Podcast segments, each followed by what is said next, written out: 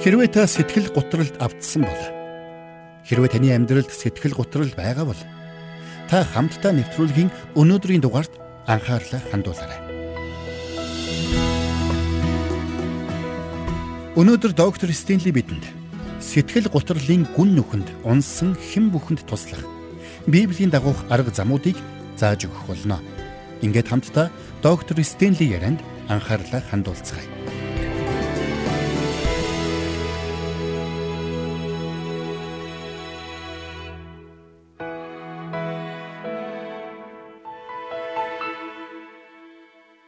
Өнөөдөр би та бүхэнтэй Библийн хоёр хэсгээс хуваалцахыг хүссэн юм.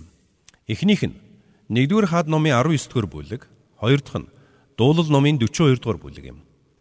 Тиймээс та 1-р хаад номын 19-р бүлэг болон дуулалын 42-р бүлгийг тус тусад нь гаргаад бэлдэж байгаарай. Дуулалын 42-р бүлэг бол сэтгэл гутралын талаар өгүүлсэн маш сонирхолтой дуулал байгаа юм. Энд гарч байгаа зарим үгс сэтгэл гутралд автсан хүний дотор буй цөхрөл шаналлыг маш оновчтойгоор илэрхийлэн харуулсан юм шиг надад санагддаг. Ялангуяа 3-аас 11 дугаар ишлэлд сэтгэл гутралд автсан хүнийг маш тод томруунаар зураглан харуулсан байдаг. Учир нь эдгээр ишлүүдэд дуулаач сэтгэлэн шаналсан тухайга зөвхөрж өөмөрсөн тухайга гашуудан үйлсэн тухайга нэг нэгэнгөө өгүүлсэн байдаг. Үнэн дээр эдгээр үгс яг ямар утгатай болохыг сэтгэл гутралд автаж ийм байдалд орж үтсэн хүмүүс л хамгийн сайн мэднэ. За тэгэхээр хамтдаа хэсэг хугацааны дараа дуулын 42 дугаар бүлэг рүүгээ дахин очих болно. Харин эхлээд 1-р хаад номын 19 дугаар бүлгийг гаргаад харъя. Магадгүй та Бурхны иш үзүүлэгч Илия Баалын иш үзүүлэгчтэй нүүр тулсан түүхийг санаж байгаа бах. Тэд Кармел ууланд гарч хинэн жинхэнэ амьд бурханд мөрөгдөг болохоо эцэслэн шийдэхэр болсон шүү дээ. Тэгээд Баалын иш үзүүлэгчд тахлын ширээгээ босгоод өдөржин залбирч орилдсон ч юу ч болоогүй. Тимээс тэд хувцаа урж өөрсдийгөө зүсэж үргэлжлүүлэн орилж хашгирсан ч мөн юу ч болоогүй. Харин Илия тэднийг зүгээр л ажиглан харсаар байсан юм. Та нар ядархаараа надад хэлээрэ гэж Илия тэднийг тохуурхаж байсан. Тинхүү тэд бүгд ядарч төлөлтлөө хашгиралдан залбирсан ч юу ч болоогүй. Тэдний босгосон тахлын ширээн дээрх тахил дээр Тэнгэрээс гал буугаагүй. Энэ бүхний дараа Илия босоод тэдэнд энэ дахлын ширээ рүү ус цац гэж хэлсэн. Та нар энэ хавийг усаар дүүртэл ус асга гэж хэлсэн. Цаадуул нь ч ёсоор нь болгосон юм. Тэгэд Илия бурханд хандан өөрийгөө илчилж өгөхийг гун залбирахад бурхан Тэнгэрээс гал буулгаж тахлын ширээн дээрх тахлыг үнс болтол нь шатаасан. Бурхан ийм агуу гайхамшигыг Элиягаар дамжуулан үйлдсэн юм. Энэ гайхамшигыг харсан Израилийн ард түмэн өөрсдийг нь мунхруулж байсан Баалын иш үзүүлэгчд рүү дайрч тэдний бүгдийг нь хөнөөсөн байдаг. Энэ бүх агуу үйлсийг Бурхан иш үзүүлэгч Элиягаар дамжуулан хийсэн юм. Гэхдээ би энд нэг зүйлийг онцолмоор байна. Хүмүүс бодохдоо хэрвээ Есүс Христтэй харилцах миний харилцаа зүв байвал би хизээч сэтгэл гутралд автахгүй гэж боддог. Гэхдээ тийм биш гэдгийг Илиягийн түүх бидэнд гэрчилж байна. Угтаа бол ямар ч хүн сэтгэл гутралд автаж болно. Бидний амьдралаа харах хараа зүв байхгүй бол зарим нэг зүйлсээр бид баланстай байж чадахгүй бол ямар ч үед хизээч сэтгэл гутралд өртөх боломжтой гэдгийг бид ойлгох хэрэгтэй. Угтаа бол Илия хуучин гэрэн дэх иш үзүүлэгчдийн үйлдэж байсан гайхамшгүүдийн дундаас хамгийн агуу тооцогдох гайхамшгүүдийн нэгийг үлдсэн байсан. Тэр бүтээгч бурхан ямар агуу хүч чадалтай болохыг Израилийн ард түмэнд маргаангүйгээр батлан харуулж чадсан байсан. Төөрч бүдэлсэн израилчүүдийн бодол санааг бурхан эзэн рүү нэг мөр хандуулах агуу үлсийг тэр бүтээсэн байсан юм. Тэгэд ийм агуу үлсийг бүтээснийхээ дараа Илия өөртөө итгэх итгэл улам бүр бадарч эр зөрөг орон өөр ямар ч сорилтыг ялан дийлэх итгэл дүүрэн болсон гэж та бодож байна уу?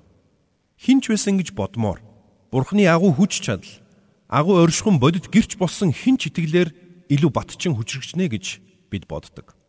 Гэтэл бидний төсөөлөөгүй зүйл болсон юм. Библиэс харуул Илия эхэндээ маш их урам зоригтой байсан. Тэрч бүхэл Илия Ахаб хааны морин тэрэгнээс ч хурдан гүйж Езраэлд ирсэн байна. Ингээд хамтдаа 46 дугаар ишлээс уншийе. Эзний мутар Илия дээр ирсэнд тэр ууцаа бүслээд Ахабын өмнө төрүүлэнгүүсээр Израиль руу орвоо гэсэн байна. Гэвч үүний дараа Илия сэтгэлээр унаж сэтгэл готролд автсан байдаг. Харин бурхан түүнийг сэргээж онцгой үйлчлэл рүү дуудсан юм. Тэгэхээр Илиягийн бичигдсэн түүхээс бид сэтгэл гутралын шалтгаан болон энэ нь бидэнд хэрхэн сөргөөр нөлөөлдөг тухай мөн сэтгэл гутралыг хэрхэн ялан дийлэх арга замыг сурах болно. Юуны түрүүнд биднийг сэтгэл гутралд оруулдаг эхний шалтгаан бол зорьсон зорилгодоо хүрч чадахгүй байх явдал юм. Бид өөрийн зорьсон зорилгодоо хүрч чадахгүй, өөрийн хүслээ гүйцэлдүүлж чадахгүй байх үедээ заримдаа сэтгэлээр унаж сэтгэл гутралд автаж эхэлдэг юм. Үүнээс болоод юу ч хийсэн бүтлгүүтэд байгаа юм шиг мэдрэмж аажмаар төрж эхэлдэг. Эцэст нь юу ч хийсэн нэмэргүй юм байна гэсэн цөхрөл автаж эхэлдэг юм. Тийм болохоор энэ бүхнийг хаяад мянган байрын тэртээ рүү зурчмарч юм шиг санагдаж эхэлдэг. Гэвч тэгж орхиж зүгтгах боломж танд байхгүй. Үнэн дээр бүрч илүү их бухимдаж эхэлнэ. Тэгэхээр хамгийн түрүүнд бид сансан зүйлээ хийж чадахгүй байх үед сэтгэлээр унаж улмаар сэтгэл гутралд автдаг юм. А хоёрдугаар биднийг сэтгэл гутралд автуулдаг өөр нэгэн том шалтгаан бол айдас юм. Заримдаа бид айдас давтснаасаа болоод сэтгэлээр унаж сэтгэл гутралд автдаг. Надад юу тохиолдох болоо? Миний гэр бүлд юу тохиолдох бол? санхүүгийн нөхцөл байдал маань дээрдэх болов уу? Алс хол сургуульд явсан хүүхдүүдэд маань ямар нэгэн зүйл тохиолдох болов уу? Гэх мэтэр айц төгшүүрд автах үедээ бид аажим аажмаар сэтгэл гутралд ордог юм. Бурхны иш үзүүлэгч Элия Бурхны агуу хүч чадлыг харуулж Баалын иш үзүүлэгчдийг бүгдийг нь хөнөөсөн тухай мэдээ Изабел хатанд ирэх үед тэр ихэд хилэгнэн Элияг цаазаар авах зарлиг буулгасан юм. Гэтэл энэ зарилгаас болоод Илия айдас давтаж эхэлсэн байна. Энэ айдас нь түүнийг сэтгэлээр унгаах шалтгаан болсон юм. 3 дугаарт бид ядарч түйлцсэн үедээ маш амархан сэтгэл готролд автдаг. Заримдаа Христэд итгэгчид бид өөрсдийгөө сүнслэг амьдралын талаар сатанаас илүү ихийг мэднэ гэж эндүрдэг. Гэтэл угтаа бол диавол сүнслэг амьдралын талаар биднээс илүү мэдлэгтэй байдаг юм. Бидний хизээ сүнслэг ивэл өрөөл авч сүнсээр хүчтэй болж байна вэ гэдгийг тэр мэддэг. Мөн хизээ биднийг сэтгэлээр унаж урам хугарсан байх вэ гэдгийг ч мэддэг. Бурхан бидний амьдралд ажиллаа хийх үед бид их баг ямар нэгэн хэмжээгээр сүнслэг тэмцэлтэд тулгардаг юм. Тэр үед бид Бурханд итгэж түүний амлалтуудаас зурч чадвал бидний амьдралд гайхамшигтай зүйлс болдго юм. Энэ нь бидэнд маш их сүнслэг эрч хүчийг өгдөг. Гэхдээ нөгөө түүгэр Ийм үйл явдлын дараа бид бие махбод болон сэтгэл санааны хувьд баггүй ядарсан байдаг юм. Чухамдаа үүнийг л диавол мэдэж байгаа. Тиймээс яг л ийм үед диавол биднэр лүү хүчтэй довтолж биднийг сэтгэлээр унгаах, сэтгэл гутралд автуулах халхмуудыг шат дараатаагаар хийж эхэлдэг. Илия яг л ийм байдалд орсон. Тэр сэтгэл зүйн хувьд болон бие махбодын хувьд ядарч түйлдсэн байсан юм. Тиймээс диаволын дайралт түүн рүү чиглэх үед тэр өөрийнх нь хийсэн бүхэн ямар ч үр дүнгүй боллоо гэж бодсон. Тэр залбирсан. Бурхан залбиралд нь гайхамшигтайгаар хариулсан. Израилийн ард түмэн агуу ялалт байгуулсан. Гэтэл хааны ордонд бүх зүйл яг эсэргээрээ байсан юм. Изебел хатан Ахаб хааны бодол санаа огт өөрчлөгдөв. Энэ бүхнийг харахтаа Элия хийсэн бүх нь ямар ч үр дүн авчирсангүй гэж бодон сэтгэлээр унсан юм. Хэрвээ түүний оронд би байсан бол адилхан сэтгэлээр унаж бууж өгөх байсан байхаа гэж би боддог. Заримдаа бүтлгүйтсэн мэт мэдрэмж нь бидний хувьд сэтгэлээр унах шалтгаан болдго юм. Хичээгээд хичээгээд байхад ямар ч үр дүн гарахгүй юм бол хичээх ямар хэрэгтэй юм бэ гэж бид боддог. Ингиж бодсон хүн хоёр гараа өргөөд бууж өгдөг юм. Тиймээс диавол биднэр лөө хизээ довтлох тохиромжтой вэ? Хизээ довтлол биднийг сэтгэл гутралд оруулж болох вэ гэдгээ хамгийн сайн мэдэж байдаг юм. Үнэн дээр бүх сэтгэл гутрал цаагаараа диаволтой шууд холбоотой юм. Харин бидний нөхцөл байдал, мэдрэмж, хандлага, сэтгэл хөдлөл нь сатааны ажиллах талбар болж өгдөг юм. Эдгээрээр дамжуулан сатан бидний амьдралыг сэтгэл гутралд автуулж байдаг. За тэгэхээр цааш нь үзье. Бидний сэтгэл гутралд автдаг өөр нэгэн том шалтгаан бол цэвэр бидний үл итгэлтэй холбоотой юм. Бид сэтгэлээр унаж, урам зориггүй болж, бүхнийг орхиод явмаар санагдаж эхлэх үед бид Бурхныг итгэлээр харахын оронд нөхцөл байдлаа илүүтэй харж эхэлдэг. Харин бид нөхцөл байдлаа харж эхлэх үедээ сэтгэлээр унах шалтгааныг хизээд амархан олж харчихдаг юм. Нөхцөл байдал буруугаар эргэх үед та бурхныг биш нөхцөл байдлаа харсаар байх юм бол та буруу замаар будаад хэж эхэлдэг гэсэн үг. Илияч мөн энэ алдааг давтсан. Өмнөх өдөр нь тэр бурхныг харж байсан бол маргааш нь Изабелийг харж эхэлсэн юм. Түүний нэгэн адил та бид ч бурхнаас хараагаа салгаж амьдрал чинь бүү Изабелийг харж эхлэх юм бол өөрийгөө улам том асуудалд унгах болно. За мөн цаашаа бид сэтгэл гутралд автдаг өөр нэгэн том шалтгаан бол буруутгал юм. Өнгөрсөн амьдралынхаа улмаас дотроо тээж буй буруутгал нь биднийг сэтгэлээр унахад хүргэдэг юм. Бид уучлалыг хэрхэн хүлээж авах вэ? Өөрөө өөрийгөө хэрхэн уучлах вэ гэдгийг ойлгож чадахгүй юм бол өнгөрсөн амьдралаасаа болоод шансаар байх болно. Гэтэл өчигдөр нь аль хэдийн улиран оцсон. Харин өнөөдөр бол цоошин өдөр шүү дээ. Харамсалтай нь бид 10 жилийн өмнөх, 5 жилийн өмнөх, 1 жилийн өмнөх, 6 сарын өмнөх аль хэдийн болоод өнгөрсөн зүйлээ бодон шаналсаар байвал яах вэ? Та гарцаагүй сэтгэл готролд автхал болно. Гэтэл Бурхан биш сатан л бидний бодол санааг аль хэдийн болоод өнгөрсөн зүйлээр дамжуулан шалгаж, буруутхан сэтгэл готролд автуулахыг хүсдэг юм. Учир нь сэтгэл готролд автсан үедээ бид идэвхгүй болж бурханд хэрэглэгдэх боломжгүй болдг юм. Сэтгэл гутралд автсан итгэгчдийн амьдрал бол бурхныг гэрчлэх хамгийн муу гэрчлэл болно гэдгийг бид ойлгох хэрэгтэй. Хэрвээ та Есүс Христэд итгэсэн бол диавол таны авралыг булааж чадахгүй. Тэр үнийгээ ч сайн мэдэж байгаа. Гэхдээ тэр өөр нэг зүйлийг бас мэдэж байгаа. Хэрвээ тэр таныг сэтгэлээр унгаж, урам зориггүй болгож эцсийн дүндээ таны амьдралыг өөтгөр гунгаар дүүргэж чадвал Бурхны гэрчлэх таны гэрчлэлийг ямар ч үр нөлөөгүй болгон хувирах болно гэдгийг мэддэг юм. Та бусдад гэрчлэх бус харин ч Христийн нэрийг гутаах болно. Диавол үнийг хамгийн сайн мэддэг учраас Христэд итгэгч биднийг сэтгэл гутралд автуулахаар улаар нь дайрч байдаг юм. Сэтгэл гутралд автсан итгэгч хүн баяр хөөрөө амар тайван урам зориг алддаг. Тэд бүхнийг буруутгаж, өөрийгөө өрөвдөж, өөрийгөө бусдаар өрөвдүүлж, үргэлж гомдлож байдаг юм. Энэ бол Христийн гэрчлэлийг буруугаар харуулах хангалттай хүчин зүйлсүүд юм. Тэгвэл Илияг эргээд санацгаая. Тэр юу хийж байсан бэ? Тэр гүүж байсан. Нэг газараас нөгөө газар руу зүхтэж байсан. Тэр нэг газараас нөгөө газар руу нэг агуунаас нөгөө агуурыг зүхтан нуугдж бүгж байсан. Тэр Изабел хатны савраас мултрах гэж байдгаараа хичээж байсан юм. Бурхны агуу хүч чадлын гэрч болсон хүн юунаас ч айхгүй гэж та бодож байна уу? Мэдээж энэ үнэ Гэхдээ сэтгэл гутралд автах үедээ хүн эрүүл саруул ухаанаа алддаг юм. Яагаад ингэтлээ айц төгшүүрд автаж, яагаад ингэтлээ итгэлгүй байдал гаргаад байгаагаа өөрөө ч ойлгохоо болчдөг юм. Тиймээс бид сэтгэл гутралаас нин даруй ангижрах нь зүйтэй юм. Сэтгэл гутралд автсан хүн бууж өгөөд бүхнийг орхиод явахыг хүсдэг. Бурхны зүрх сэтгэлийн дагуу хүн гэгдэж байсан Давид ч тэр. Бурхны нэрээр агуу гайхамшигыг үлдэж байсан Илияч тэр бүгд адилхан ийм байдалд орж байсан. Сэтгэл готролд автсан хүн хамгийн түрүүнд өөр дээрээ төвлөрж эхэлдэг. Би одоо яах вэ? Надад юу тохиолдох болоо гэж зөвхөн өөрийнх нь талаар бодож эхэлдэг. Мөн хоёрдугаарт ийм хүн өөрийгөө өрөвдөж эхэлдэг юм. Нэгдүгээр хаад номын 19 дугаар бүлгээс харах юм бол Бурхан Илиэтэй уулзах үед Илия хамгийн түрүүнд юу гэж хэлсэн бэ?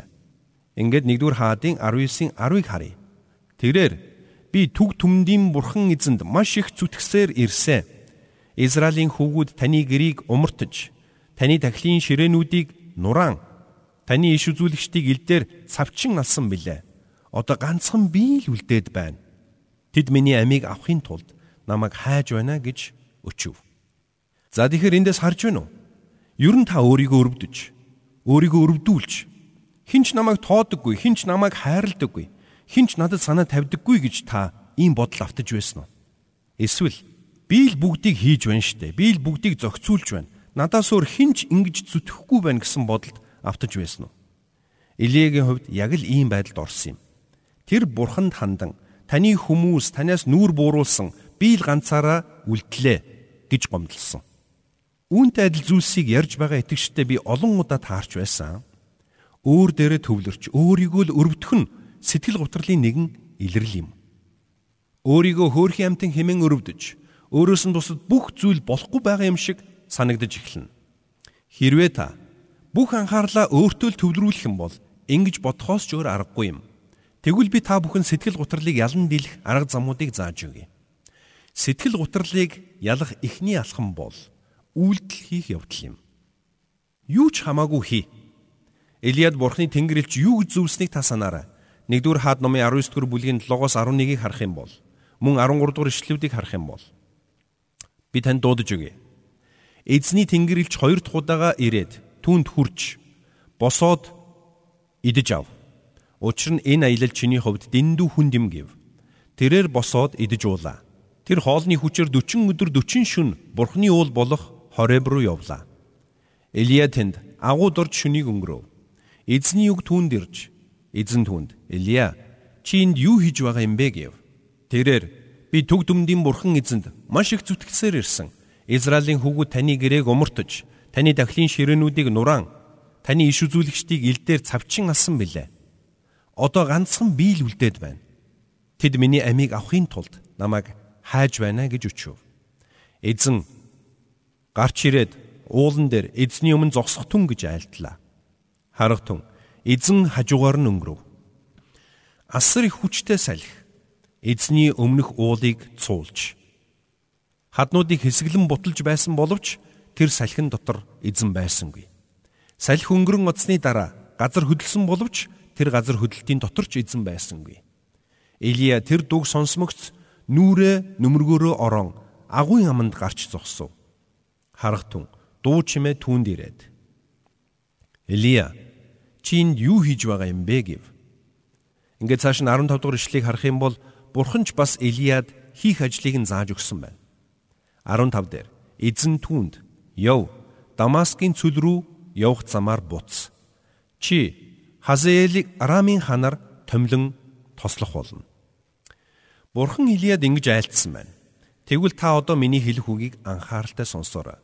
Сэтгэл гутрал бидний дотор ихэнхдээ өчүүхэн жижиг уур манан мэт санагддагч айжмар яг л өтгөн хар үүл мэт биднийг нүмрэн авдаг. Тиймээс ийм нөхцөл байдлаас гарах хамгийн ихний алхам бол ураг шалхах юм. Юу ч хамаагүй хий юу ч хийхгүй хөдөлгөөнгүй байх юм бол та энэ өтгөн үйл ман дотроо зогссоор байх болно. Тэгэд өөрийнхөө нөхцөл байдлыг харсаар өөрийгөө ямар хүнд нөхцөл байгаагаа бодсоор улам бүр хөдлөх тэнхлэггүй болсоор байх болно. Энэ нь яг л цасан шуурган дунд яваа хүнтэй адилхан юм. Тэр хүн алхаж байгаа цагт ямар нэгэн байдлаар урагшилж ахиц гаргаж байна л гэсэн үг юм. Харин зогсох юм бол тэр айжмаар хөлдөх болно. Тэр цагт хөдлөхийг хүссэн ч хөдлөж чадахгүй байдалд орох болно. Үүний нэгэн адил сэтгэл гутрал бидэнд яг л ийм нөлөөг үзүүлдэг юм. Тиймээс та сэтгэл гутрал автсан бол бушуухан ямар нэгэн хэрэгтэй зүйлийг хийж эхэл. Бурхан Илияд хандан өвдөг сүгдэн залбир гэж хэлээгүү. Учир нь ийм нөхцөл байдал Илия залбирхаас илүүгээр ямар нэгэн үйлдэл хийх ёстой гэдгийг Бурхан сайн мэдэж байсан. Израильчууд Бурханы амлсан газрыг байлдан эзлэхээр дайтаж байх үед ай хотын дэргэд томоохон ялагдл хүлээсэн түүхийг та санаж байгаа бах. Тэр үед Йошуа өвдөг сүгдэн бурхны өмнө залбирсан байдаг. Харин бурхан түүнд юу гэж хэлсэн бэ? Залбирхаа болоод бушуухан босоод явж Аханыг олж дундаасаа зайлуул гэж тушаасан шүү дээ. Йошуагийн 7-гийн 6 дээр.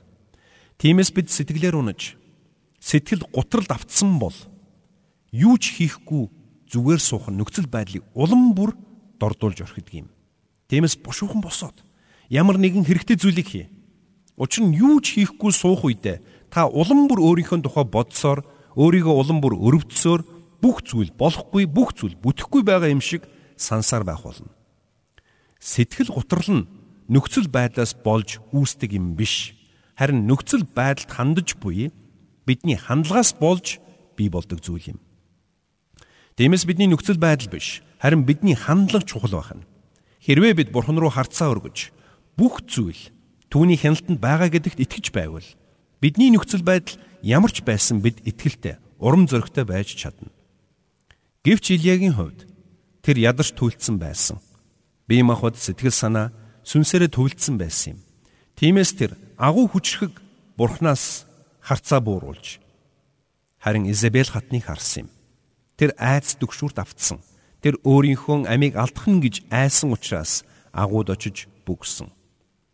Тэр итгэлээр агуу ялтыг байгуулсан байсан ч тэр харцаа бурхан руу биш асуудал руугаа хандуулснаар түүний хандлага өөрчлөгдөж тэр айц хүйц давтсан юм. Тэгэхээр сэтгэл гутралаасаа ангижрахын тулд бидний хийх ёстой эхний алхам бол үйлдэл хийх явдал байна. За тэгвэл хоёр дахь алхам бол Бурхныг магтан алдаршуулах явдал юм. Хамтдаа дуул номын 42 дугаар бүлэг рүү очие. Хэрвээ та сэтгэл готрол автсан бол Бурхныг магт. Хэрвээ та Бурхныг магтаж чадахгүй байгаа бол танд нэг биш харин хоёр асуудал байна гэсэн үг юм. Танд зөвхөн сэтгэл готрол нүүрлээ зогсохгүй. Өөр бас бус асуудал нүүрлсэн байна гэсэн үг. Тэгвэл дуул номын 42 дугаар бүлэг дээр Давид хаан юу гэж шүлгэлсэн бэ? Дуул номын 42-ийн 9-оос 11-ийг танд дуудаж өгье. Өөр юм нь хад болсон. Бурханд би юунд та намайг мартсан бэ? Юунд би дайсны дарангуйллаас болж гашуудан явна вэ гэж хэлнэ. Ясыг минь бяцлах шиг өснүүд минь намайг буруутгана. Тэд өдөржин надад Бурхан чинь хаана байна гэж хэлнэ. Сэтгэл минь чи юунд цөхрөн вэ? Яагаад чи дотор минь гаслан вэ? бурханд найд. Учир нь би миний бурхан, миний тусламж түүнийг л би магтах болно гэсэн байна. Тэгэхээр энэ Давид хаан шүлэглэхдээ өөрийнх нь эсрэг далайн давлгаа мэт дайралт ирж байсан ч сэтгэл нь түгшин цөхөрж байсан ч бурхан эзнээ магтах болно гэсэн байна. Учир нь бид бурханыг магтаж байна гэдэг нь түүн рүү ширтэн харж түүнд итгэж байна гэсэн үг юм. Давид хаан бурханыг өөрийн минь хад гэж хэлсэн. Хад гэдэг бол хөдлөшгүй бат суурь гэсэн үг юм. Ямар ч нөхцөл байдал донд хөдлөшгүй суурь бол бидний бурхан эзэн гэдгийг Давид энд тунхагласан байна. Үүний нэгэн адил та бид ч бас сэтгэл гутралын өмнө хоёрхан зам бий. Нэг бол бид нөхцөл байдлаа хараад сэтгэлээр унаж болно. Эсвэл бурхан руу хараад бурханыг магтан алдаршуулж болно. Давидын хувьд зүрх сэтгэлдээ байгаа бүхнээ бурханд уудлан залбирсан байна. Мөн бурханыг магтан дуулсан байна. Харин бидний хувьд Бурхны өмнө залбирч, Бурхныг магтах нь чухал боловч үүний зэрэгцээ бид сэтгэл гутралаа даван дийлхийн тулд босоод шаардлагатай алхмуудыг хийх ёстой юм. Тийм ч учраас Бурхан Илияд юу гэж хэлсэн бэ? Чи өвдөг сүгдөөд залбир гэж хэлээгүү. Харин Хазиэлийг томил, Ихүүг тосол, Элишаг томил гэж тушаасан юм. Тэгэд Илия өөрийгөө өрөвдөж сууха болоод босож яваад эзний төлөө үйлчилж эхэлсэн. Ингиж байж Илия сэтгэл гутралаасаа ангижирч чадсан юм а. Бидний хүн нэг бүрт хүсэл зориг гэж бий. Гэхдээ бид нэг зүйлийг мартдаг. Бид бурхнаар л бүх зүйлээ хийхийг хүсэж байдаг. Тэгвэл би нэг зүйлийг хэлмээр байна. Мэдээж бурхан бүхнийг хийдгээ. Бурханаас ангид бол бид юу ч хийж чадахгүй. Гэхдээ нэг практик зүйлийг бид ойлгох хэрэгтэй юм. Бид бурхан минь надад туслаач гэж юу ч хийхгүй суугаад байж болохгүй гэсэн үг. Бурхан бидэнд оюун санааг өгсөн. Хүсэл зориг, сэтгэл хөдлөл, эрдэм мэдлэг, ур чадвар, дадлаг туршлагыг өгсөн. Бурхан танд бие махбодыг ч өгсөн. Бид Бурханаас хүлээж авсан бүхнээрээ ямар нэгэн зүйл хийх ёстой. Бид бүгд Бурханы хүүхдүүд болсон учраас Бурхан бидэнд хүн бүрт өөрийн гэсэн авис чадварыг өгсөн учраас тэр биднийг өөрсдийнхөө төлөө шаардлагатай алхмуудыг хийдэг байгаасай гэж хүсдэг юм. Тиймээс Биднийг шаардлагатай эхний алхмыг хийх үед Бурхан өөрийн юр бусын хүчээр бидэнд туслаж биднийг Бурханы хүслийн дагуух бүхнийг гүйцэлдүүлэхэд тусалдаг юм. Тиймээс бид Бурхан минь надад туслаач гэд юу ч хийхгүй суугаад байж болохгүй юм. Харин та өөрөө хөдлөж зүтгэж эхлэх үед Бурхан таныг өдөрдөн чиглүүлж танд хүчийг өгч хүнд байдлаас чинь гаргах болно. Тэр танаар дамжуулан ажиллах болно. За тэгэхээр хамтдаа эхний асуулт дээрээ эргээд очицгоё. Бид сэтгэл гутралд автсан үедээ үнийг хэрхэн даван туулах вэ? Бид үйлдэл хийж эхлэх ёстой байх нь. Мөн Бурхныг магтан алдаршуулах хэрэгтэй байх нь. Харин үүнийг сайн ойлгоорой. Эдгээрийг хинч таны өмнөөс хийж өгөхгүй. Харин та өөрөө үнийг л хийх ёстой. Магадгүй та нөхцөл байдлаасаа болоод Бурхныг магтмааргүй санагдаж байж болох юм. Тэгвэл би танд хэлье. Таныг маргааш өглөө босоод харахад гадаа ямар ч байж болно. Бороотой бүүдгэр дүнсгэр байж болно. Эсвэл нартай цэлмэг сайхан өдөрч байж болно. Тэр үед хэрвээ та орноосоо босмооргүй, ирч хүчгүй байвал Бурхны өмнө залбираарай. Бурхан минь энэ өглөөний төлөө танд талархъя. Амьд минь эрүүл саруул байгаагийнхын төлөө талархъя. Та энэ өдрийн туршид надтай хамт байх учраас талархъя. Надад энэ өдөр ямар санагдаж байгаас үл шалтгаалаад та надтай хамт байдаг учраас танд талархъя. Та өнөөдөр ч надаар дамжуулан ажиллах учраас танд талархъя. Танд бүх алдрыг өргөе. Нар мандаж дэлхий эргэж байгаагийн төлөө танд алдрыг өргөе. Орон гэрийнхээ төлөө, гэр бүлийнхээ төлөө, найз нөхдийнхөө төлөө, сүм чуулганыхаа төлөө танд талархаж таныг магтъя хэмээн түүнийг магтаарай. Тэр цагт та ирч хүчээр дүүрч орноосоо үсрэн босох болно гэдэгт би итгэлтэй байна. Би танд Бурхныг магт гэж хэлэхдээ зөвхөн сүм чуулган дотор гэдэг утгаар хэлээгүй гэдгийг та ойлгоорой. Өглөөс ирээд босох ирч хүчгүй байх үедээ сэтгэл гутралаасаа болоод ураг шалхах тэнхлэггүй болсон мэд санагдах үедээ түүнийг магтаарай. Бурхан руу хартсаа өргөж, Бурханыг магтан алдаршуулж байгаа зүрх сэтгэлд сэтгэл гутрал орших орон зай байдаггүй юм. Тиймээс та Бурханыг магтаад мөн итгэлээрээ үйлдэж эхлэх юм бол төд удалгүй сэтгэл гутрал чинь таны амьдралаас аажмаар зайлах болно. Бид Бурхныг магтаад дараа нь залбирах үед бидний залбиралч илүү эерэг байдгийм.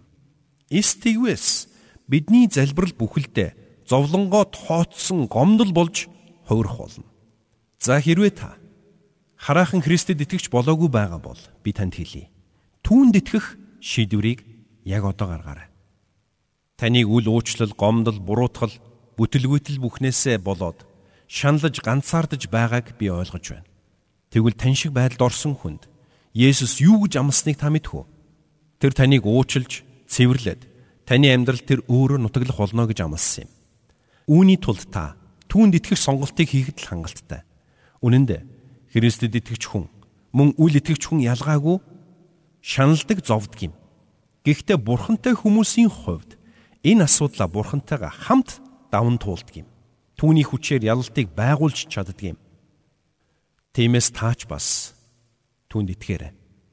Тэгэд миний зөвлсөнчлэн Бурхныг магт итгэлээрээ үйлдэлхий. Тэгэд Бурхны үгийг уншиж судал. Бурхан таны амьдралд ямар гайхалтай зүйлс хийснийг бусдад гэрчлэн хуваалц. Бурхан таныг таны сэтгэл гутралаас ч чөлөөлөх болно. Үүний оронд хүний оюун бодлоос давсан баяр хөөр амар тайвныг дүүргэх болно. Таны сэтгэл гутрал хэр гүн гүнзгийг би мэдэхгүй. Гэхдээ би нэг зүйлийг л мэднэ. Таны хувьд Есүс Христ бол сэтгэл гутралаас ангижрах цорын ганц хамгийн зөв зам юм а гэдгийг л би мэднэ. Тиймээс та түүн рүү бүх анхаарлаа хандуулж итгэлээрээ үйлдэл хийж түүнийг дуулууртай даг. Түүнд итгээд ураг шалах. Тэгэд бурхан таны амьдралд юу хийхийг гайхан алмаар. Бид бүгд л амьдралдаа их баг ямар нэгэн хэмжээгээр сэтгэл готролтой тулгарч байдаг. Тэгвэл хамтдаа нэвтрүүлгийн өнөөдрийн дугаараар доктор Стенли бидэнд сэтгэл готрлоо даван туулах Библиэд суурилсан практик зөвлөгөөнүүдийг өглөө. Эдгээр зөвлөгөөнүүдийг дагснаар бид өөрсдийн анхаарлыг асуудалдаа биш харин бурхан руу хандуулж өөрийгөө өрөвдөж суух биш харин бусдад үйлчлэн эрч хүчтэй амьдрах боломжтой болох юм бидний сөрөг сэтгэл хөдлөлүүд ихэвчлэн бусдыг шархлуулахаас илүүгээр өөрсдийгөө зовоож байдаг. Тэгвэл тэдгэрийн дундаас бусдад гологдох мэдрэмж биднийг хамгийн ихээр зовоож бидний сэтгэлийн гүнд шаналл зовлон мэдрүүлж байдаг. Тиймээс бид хамтдаа нэвтрүүлгийнхээ дараагийн дугаараар энэ тухай дэлгэрэнгүй авч үзэх болно.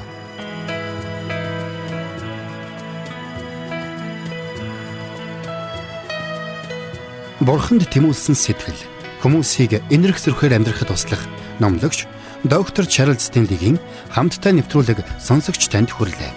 Нэвтрүүлгийг дахин сонсохыг хүсвэл ихтгэл радиоцик.com-оор зочлоорой. Бидэнтэй холбогдохыг хүсвэл 8085 99 тэгтэг дугаард хандаарай.